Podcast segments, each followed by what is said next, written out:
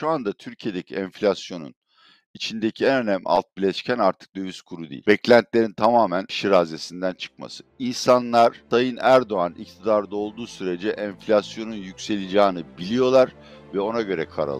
Belediyenin borçlanması arasındaki faiz farkının 25-50 bas puanı geçmemesi lazım. Bu bizden, burnumuzdan aldıkları 200 bas puan temel bir hizmet olan metro için Erdoğan'ın İstanbul'a gönder gösterdiği nefretin bedelidir. Bergen filmiyle Türkiye'de fakirlik ölçülmez.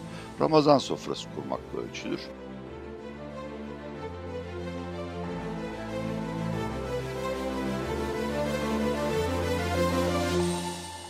Atiye Bey merhaba, hoş geldiniz yayınımıza. Merhaba sevgili Semih ve merhaba bütün Mesele Ekonomi izleyicileri. Size ve tüm Müslüman dünyasına hayırlı, bereketli Ramazanlar dilerim. Evet, e, aynı dilekleri biz de getirelim. Fakat e, Ramazan e, bu sene esasında insanlar için çok iyi başlamadı. Gerçi Ramazan değil. Zaten bir süredir zamlarla boğuşuyoruz. Son dönemki gelişmeler Ramazan'ı çok tatsız geçirmemize sebep oluyor ekonomik açıdan. Evet.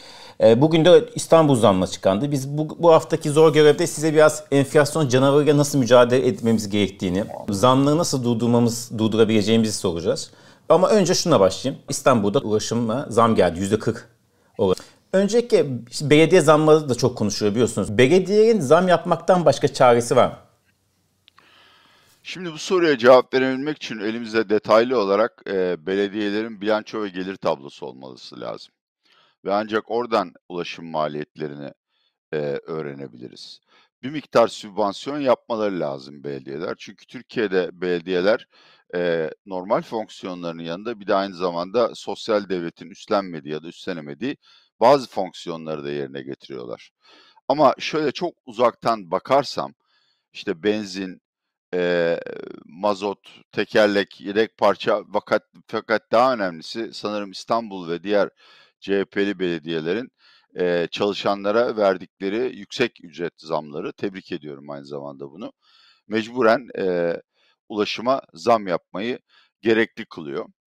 Tabii eğer bunu istemiyorsanız yani Ankara olarak, hükümet olarak böyle bir şey istemiyorsanız e, hazinenin durumu bu sene gayet iyi. En son baktığımda galiba Merkez Bankası'nın hazine hesabında 400 milyara yakın para birikmişti.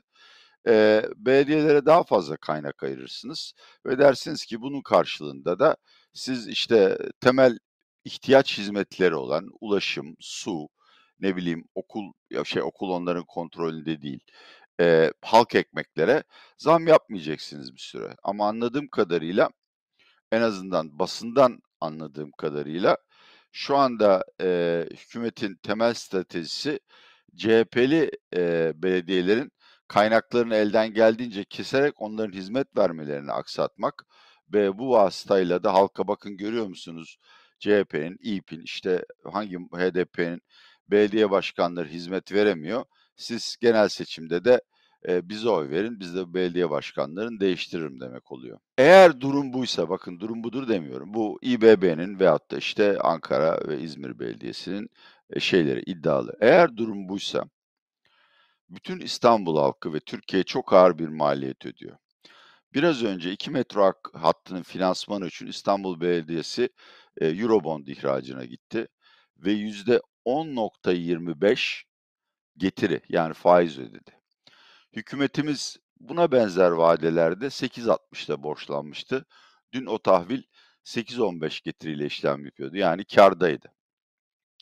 Normalde belediyeler de kısmen devlet şemsiyesi altında kurdukları için hükümetin borçlanmasıyla belediyenin borçlanması arasındaki faiz farkının 25-50 bas puanı geçmemesi lazım. Bu bizden, burnumuzdan aldıkları 200 bas puan temel bir hizmet olan metro için Erdoğan'ın İstanbul'a gönder gösterdiği nefretin bedelidir. Bunu da öyle bir herkesin bilmesini istedim. Peki e, bu noktada bazı insanlar da şunu söylemiş. E, belediye bu faiz oranı söylediniz zaten. Borçlanmamalı. Tamam. Sizce o da bir seçenek miydi? İBB için, Ekrem İmamoğlu için borçlanmamak ve e, metroyu da yapmamak. Met, e, metro hatlarında değil. Şimdi bana Ankara köprü, yol, tren yolu yapmak zorunda mı deseniz hayır. Bir iki yıl e, o masraflardan tasarruf edip bunu halkın acılarını dindirmeye kullansın derdim. Ama İstanbul'da durum bu değil. İstanbul'da çok acil bir trafik sorunu var ve trafik sorunları sadece insanların canını sıkan bir şey değil. Eminim arabası olan ve işte günde bir, bir buçuk saat evinden işine arabayla giden bütün izleyiciler katılacaktır. Trafikte beklediğiniz her saniyenin Türkiye'ye bir üretim maliyeti ve benzin mazot maliyeti var. Dolayısıyla metro şu anda İstanbul'u kastediyorum. En geciktirilmez hizmettir. Çünkü bir kere ne bileyim bir Londra, Moskova, e, Be, e, Pekin, Beijing e, tipinde çok yaygın bir metro ağı kurabilirsek hem trafik azalacak hem e, çevre kirliliğine ve e, global ısınmaya katkı azalacak hem de vatandaşlarımız çok daha ucuza gidip gelebilecek ve en önemlisi bütün kent ve banliyölara metroyu yayabilirsek oralardaki Türkiye'nin İstanbul'un belirli yerine odaklanmış olan konut fiyatlarındaki şişmenin de azaldığını göreceğiz. Çünkü insanlar e, en çok metroya yakın yerleri tercih ediyorlar. Evet. Bakalım göreceğiz nasıl bir İO izlenecek. Buradan Atilla Bey e, bu haftaki zor görevinize geçelim. E, esasında başladık İstanbul enflasyonu birlikte.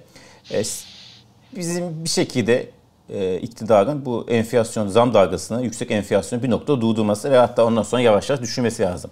E, bunun için ne yapılması gerektiğini size soracağız. Şimdi e, bu görev sizde olsaydı enflasyon düşürme göreviniz ve büyümeyi de minimum etkileyecek düzeyde. Tabii ki herkes öyle ister zaten.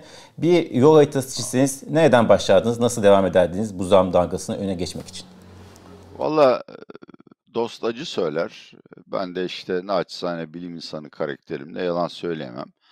Sayın Erdoğan iktidarda oldukça e, hiçbir program veyahut da en geleneksel veyahut da radikal ekonomi planları bile enflasyonu engelleyemez. Çünkü enflasyonun göbek adı Recep Tayyip Erdoğan. Sebebi de şu. Enflasyonla başa çıkmanın en pratik, tabii ki acılı yollarından biri faizleri arttırmaktır. Sayın Erdoğan'ın son Erdem Başçı döneminden beri izlediği davranış kalıplarını hatırlayalım. Çok sıkıştığında faiz arttığında izin veriyor. İşte bu Erdem Başçı döneminde oldu. Daha sonra en sonunda Sayın Naci Abal döneminde oldu. Ama ilk fırsatta punduna getirip yeniden düşük faize geçiyor. Bu da şu anlama geliyor. Gerek para politikası olsun, gerek bütçe politikası olsun, gerekse yapısal önlemleri de içeren çok geniş çerçeveli bir istikrar programı olsun. Kredibilitesi yok. Yani bunlarla enflasyonun mesela döviz kuruna bağlı ayağını düşürebilirsiniz. Ama şu anda Türkiye'deki enflasyonun içindeki en önemli alt bileşken artık döviz kuru değil beklentilerin tamamen e, şirazesinden çıkması. İnsanlar Sayın Erdoğan iktidarda olduğu sürece enflasyonun yükseleceğini biliyorlar ve ona göre karar alıyorlar. Dolayısıyla aldığınız diğer tedbirler hiçbir işe yaramaz. Maalesef bunu söylemek zorundayım. Yani şu anda Sayın Erdoğan'ın çıkıp ya ben vazgeçtim demesi de artık sorunları çözmez. Yani mesela Mehmet Şimşek gibi ismi gelmesi bir işe yaramaz diyorsunuz.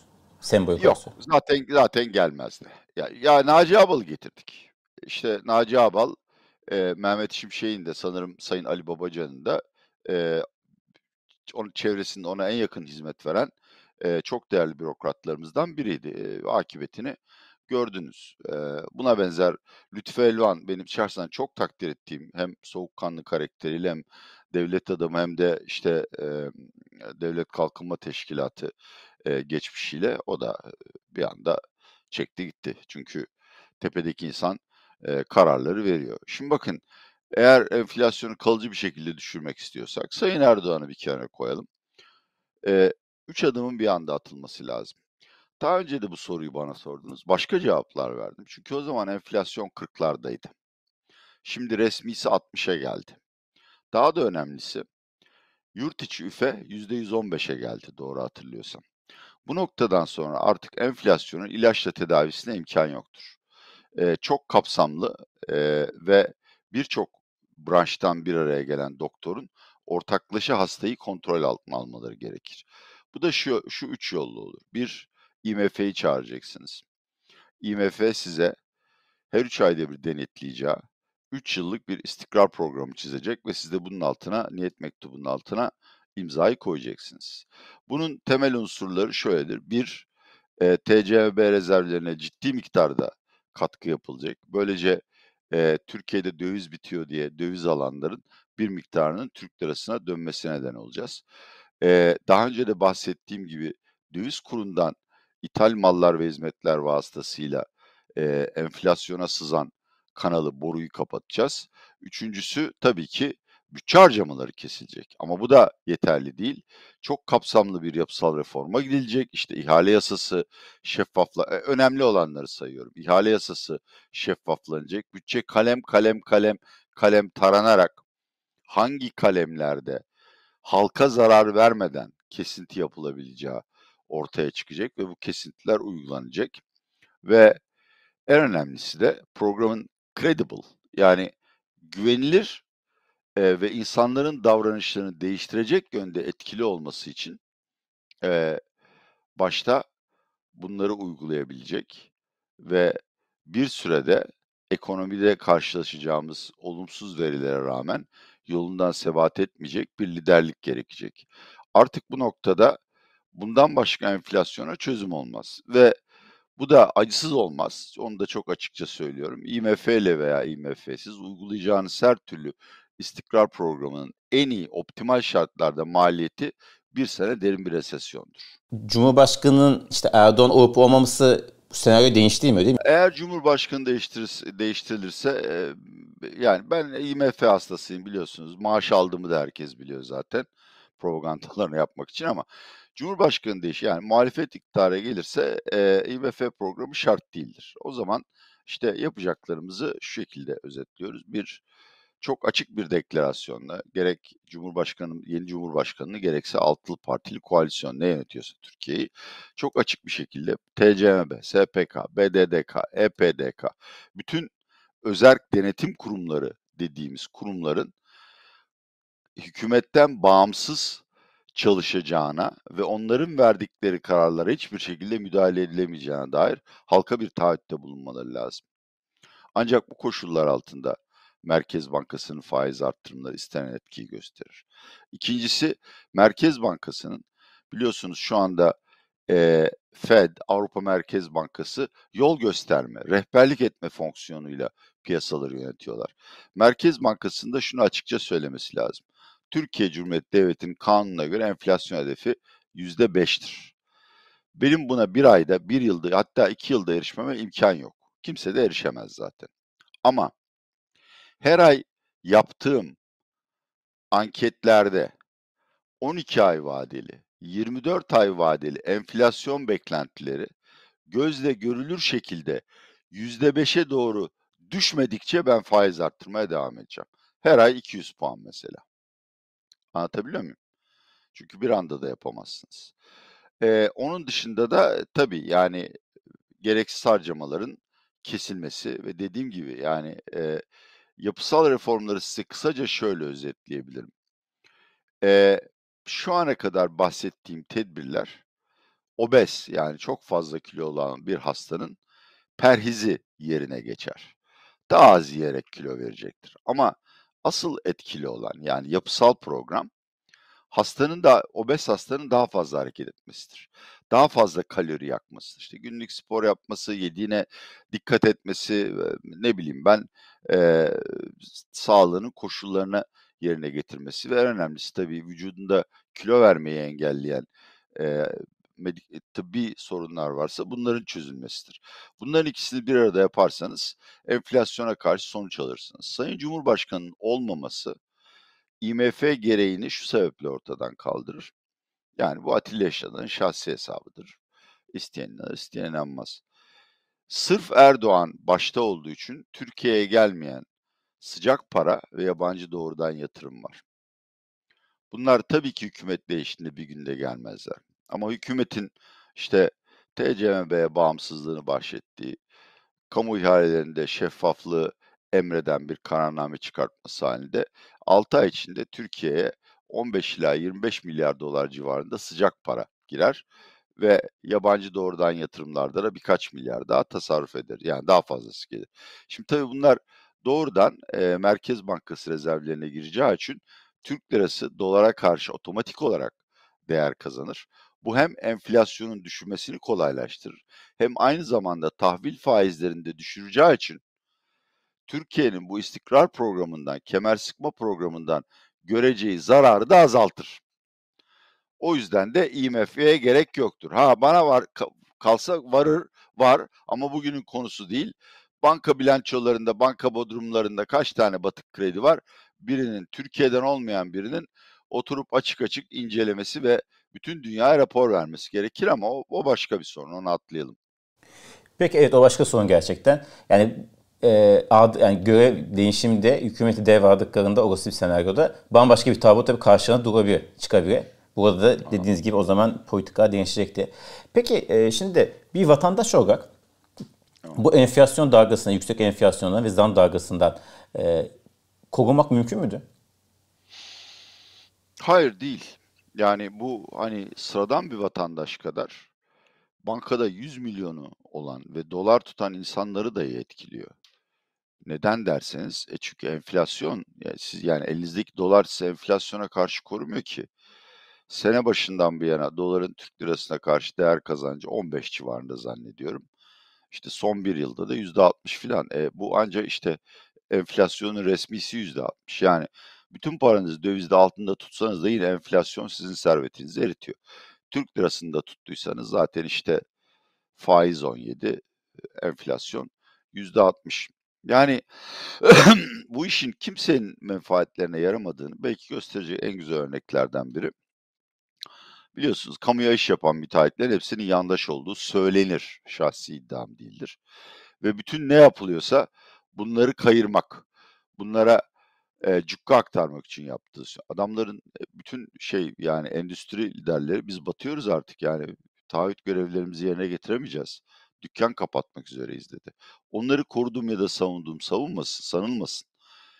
Bu insanlar dahi aslında halkın algısına göre çok yararlandıkları Erdoğan'ın ekonomik sisteminden zarar görüyorlar. İkinci bir örnekte elektrik üretim ve dağıtım şirketleridir. Bunların da hep işte hepsinin Erdoğan'ın cebinde olduğu, arkasında olduğu ve fahiş paralar kazandığı söylenilir. Ya arkadaşlar yine onları da korumuyorum. Ve bazıları muhakkak bazı imkanlar ya. Şu anda Türkiye'de en batık sektör elektrik sektörüdür ya. Üreticisinden dağıtıcısına hepsi batıktır. Eksi e, yani eksi işletme sermayesiyle çalışıyorlardır. Bugün bakın biraz dikkatle takip edin. Bütün yabancı enerji şirketleri Türkiye'de enerjiden çıkmaya çalışıyor. Karlı bir alan olsa çıkarlar mı abi? Gelmeye kalkarlar. Şu noktayı özetliyorum. Sayın Erdoğan'ın artık realiteden kopuşu o noktaya geldi ki bırakın kendi seçmenini kendi etrafında kurduğu iddia edilen çok yakın çok yakın işte eee, ne bileyim yandaş çetesini ya da rant çetesini dahi rahatsız eder hale geldi. Evet. Peki son olarak Atika Bey, e, çok uzun bir konu. Zaten şu anki hayatın Türkiye gündemindeki açık ara bir numara konu hayat pahalı. Bu konuda bir tartışma var. E, uzunca bir sürede esas ta, bu tartışma yürütüyor farklı şekillerde. En sonunda bir gazeteci dün Habertürk'te bu Bergen filmini 7 milyon kişi izledi. İşte ülkede hayat pahalı, yani hayat pahalı var diyor da işte çok sizin dediğiniz gibi bir alım gücünde çok ciddi düşüş olsa bu kadar insan izlemez e, dedi. Esasında bunun farklı versiyonlarını e, iktidara yakın insanlardan, bazen sokaktaki vatandaştan, bazen de ekrandaki yorumculardan veya siyasetçilerden de görüyoruz. Ve işte bu ülkede esasında gösterildiği kadar da, Cumhurbaşkanı Erdoğan da bunu söylüyor zaten, bu ülkede gösterildiği, resmedildiği kadar da ciddi bir ekonomik kriz veya sıkıntı yok. E, bu böyle mi diye gerçekten? Yani bu işte sinema filminin rekor kırması, restoranın dolu olması, otelin erken rezervasyonunun tamamlanması bir ülkede ekonomik durumunu analiz etmek için yeterli mi değil ve doğruyu gösteriyor mu? Hayır göstermiyor. Şimdi artık yani en bütün ekonomilerde geçerli olan kurallar var. İşte en yani en büyük zenginler tepedeki yüzde bir. Çok zenginler yüzde beş. Ama her toplumun hemen hemen yüzde onu ortalama kişi başı gelirin 10 misli veya daha fazlasını kazanır. Makul bir şey mi bu? Yani makul bir varsayım mı? Ben bence öyle. E, diyelim ki Türkiye toplumunda yüzde onu bu işlerden ya hiç zarar görmedi ya da e, geliri çok yüksekti. Bir miktarını kaybetti ama hala yüksek gelir düzeyinde tüketim yapıyor. Türkiye nüfusunun yüzde onu 8,5 milyon eder abi. 7 milyon kişi Bergen filmini görmeye gitmiş. Ne anlama gelir? Bu işleri e, bakarken yani bir sosyal devlet olarak tepedekilerin ne yaptığı değil, en zayıf halkın, en dipteki yüzde yirminin ne yaptığına bakmak lazım. Geçen gün beyefendinin soyadı Aksoy. Aksoy anketlerini de yapıyor. Ben Cumhuriyet'ten okudum. Başka kaynaklarda da çıktı. Mart anketinde, Mart ve Nisan'ın ilk günlerini kapsayan anketinde çok güzel bir soru sormuş. Ramazan sofrası kuruyor musunuz? Evet kuruyoruz. Halkın yüzde seksen biri. Peki geçen sene kurdunuz Ramazan sofrasını bu sene kurabiliyor musunuz? Yüzde yetmiş hayır diyor. AKP'de de bu oran yüzde elli beş. Bakın çok güzel bir soru. Çünkü hepimiz yani Allah şükür belli bir dinimiz var. %99'umuz Müslümanız ve Ramazan en kutsal. Yani nasıl e, Hristiyanların işte Noel yemeği var ya da Amerikalıların Şükran Günü yemeği var. E, her dinin bir adeti var. Paskalya. Bizde de Ramazan en kutsal e, ritüellerden biri. Eğer insanlar artık o sofraya da ekmek getiremiyorlarsa ve bu getiremeyenler AKP ve diğer partiler arasında az çok eş oranda dağıtılmışsa o zaman Bergen filmiyle Türkiye'de fakirlik ölçülmez. Ramazan sofrası kurmakla ölçülür. Orada da e, halkımızın hangi siyasi aidatı olduğu gözetilmeksizin çok ağır bir zulüm ve fakirleştirme politikası izlendiğini ya da izlenen politikaların bu sonuca vardığını görüyoruz. Evet, umarım e, sonuca vardığımız ve izlenen politika değişir ve e, bu Ramazan zor ama diğer Ramazan'da ve diğer bayramlarda hem hem dini bayramlarda daha güzel bir gündemle karşınızda oluruz. Çok teşekkür ederiz Atilla Bey. E, havalar güzel ama konu e, ne yazık ki sıkıntılı, kötümser. E, umut vaat etmiyor. Ama olsun ne yapalım? E, biz de bu de tespit yapmaktan başka elimizden bir şey gelmiyor. Çok teşekkür ederiz katıldığınız için. Tüm mesele ekonomi izleyicilerine hayırlı günler, daha güneşli günler diliyorum. Hepimize çok teşekkür ederiz. Haftaya görüşmek umuduyla.